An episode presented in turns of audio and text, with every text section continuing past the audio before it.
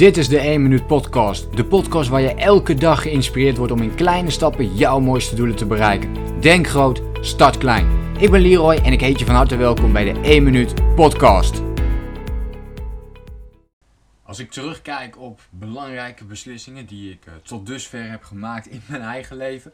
En misschien ook wel als je bij jezelf kijkt, dan heb ik dat eigenlijk altijd gedaan op um, intuïtie. Nou, ik heb het ook wel eens gedaan zonder Ehm, het te doen met intuïtie. Ehm, maar vooral de goede beslissingen, of de beslissingen waar ik me heel prettig bij voelde, die heb ik gemaakt op, uh, op intuïtie. En daarom zeg ik ook, zet al je geld als je een keuze moet maken tussen wat in je gedachten heel rationeel, heel juist lijkt, um, of je gevoel. Maak daar voor jezelf heel duidelijk een, een balans in. en als je dan een moeilijke keuze moet maken, zorg er dan voor dat je je geld zet op je intuïtie. Dit is misschien een beetje, dit klinkt misschien een beetje zweverig, een beetje gevoelig. Of, of um, dat je op, op, op zo'n manier vanuit je gevoel daarover gaat nadenken. Want dat is niet de manier waarop we dit soort keuzes natuurlijk uh, leren te nemen. We moeten vaak de feiten tegenover elkaar zetten, de argumenten tegenover elkaar zetten. Dit zijn trouwens ook dingen die ik gewoon meeneem in uh, beslissingen die ik bijvoorbeeld ook zelf neem. Maar vooral op mijn intuïtie. Ik heb daar wel een heel mooi voorbeeld van. Ik weet nog dat ik op een gegeven moment op de, op de middelbare school zat. Uh, en ik zat op het HAVO. En op een gegeven moment was, um, was er de keuze, zeg maar in, het laatste jaar, dus in het examenjaar, om, uh, dan maak je natuurlijk de keuze, hè, ga je naar het HBO?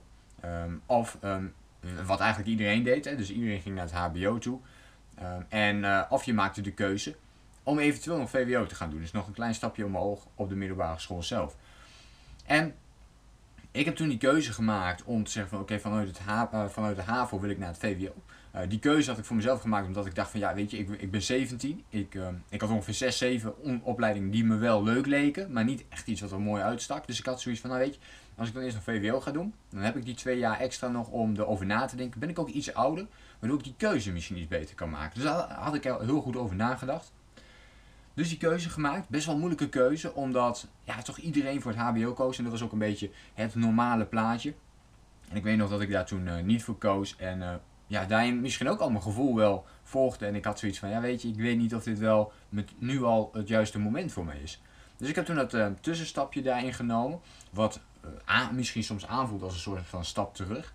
voor mij voelde dat op dat moment dan niet zo aan. Dus ik had er toen voor gekozen. Maar toen kwam het. Toen had ik die twee jaar gehad op het VWO. Eh, heel hard ge gezwoegd. En toen kwam ik erachter dat uh, al die theoretische kennis niet echt aan mij besteed is. Uh, dus de universiteit zou voor mij uh, waarschijnlijk te hoog gegrepen zijn. Ik, ik, had het op dat moment kunnen doen. Maar ik koos er toen voor om alsnog naar het HBO te gaan. Nou, toen kreeg ik de poppen helemaal aan het dansen. Want je ging toch VWO doen om uiteindelijk naar de Unie te kunnen. En dat is eigenlijk het enige waarvoor je dat zou gaan doen. En dat deed ik dus niet. Ik koos er toch voor om naar het HBO te gaan. Omdat ik daarin ook weer mijn gevoel volgde, mijn intuïtie volgde. Nou ja, en als ik daar nu op terugkijk, dan denk ik dat het een van de beste beslissingen is die ik uh, tot nu toe in mijn leven heb gemaakt. Om uiteindelijk toch voor het HBO te kiezen, waarin het uh, iets praktischer is. Waarin ik bepaalde dingen, waar je niet alleen op theoretisch niveau heel hoog leert denken. Wat natuurlijk ook heel belangrijk kan zijn hè, in bepaalde vakgebieden um, enzovoort. Alleen het was voor mij minder weggelegd. omdat ik toch iets meer de, um, hoe zeg je dat, de, de, de feeling moet hebben met de, met de werkvloer of met de, met de praktijk of hoe je het ook maar wilt noemen. Ik wil uh, dingen in beweging zetten. Ik wil niet alleen maar uh, de boeken lezen. Ik lees heel veel boeken. Um, dat heb ik vooral heel veel gedaan. Maar nu zit ik vooral veel meer in de toepassing.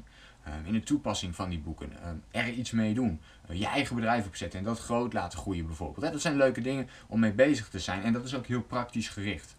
Dus een van die beslissingen, en, en ook als ik daarna bijvoorbeeld kijk naar beslissingen die ik heb genomen, die zijn ook allemaal op basis van die intuïtie gegaan. Dus alsjeblieft, als je keuzes gaat maken of beslissingen gaat nemen, zet je geld op je intuïtie. Ik hoop dat je deze tip wilt meenemen voor vandaag. Uh, en verder de rest wens ik jou voor vandaag een, een fijne dag toe. En ik hoop je natuurlijk de volgende keer weer te zien bij een nieuwe podcast. Denk groot, start klein. Bedankt voor het luisteren. Geloof jij net als ik dat je in kleine stappen jouw mooiste doelen kunt bereiken? Abonneer je dan op mijn podcast voor meer dagelijkse tips en inspiratie. Laat me weten wat je van de podcast vond, deel de inspiratie en geef het door.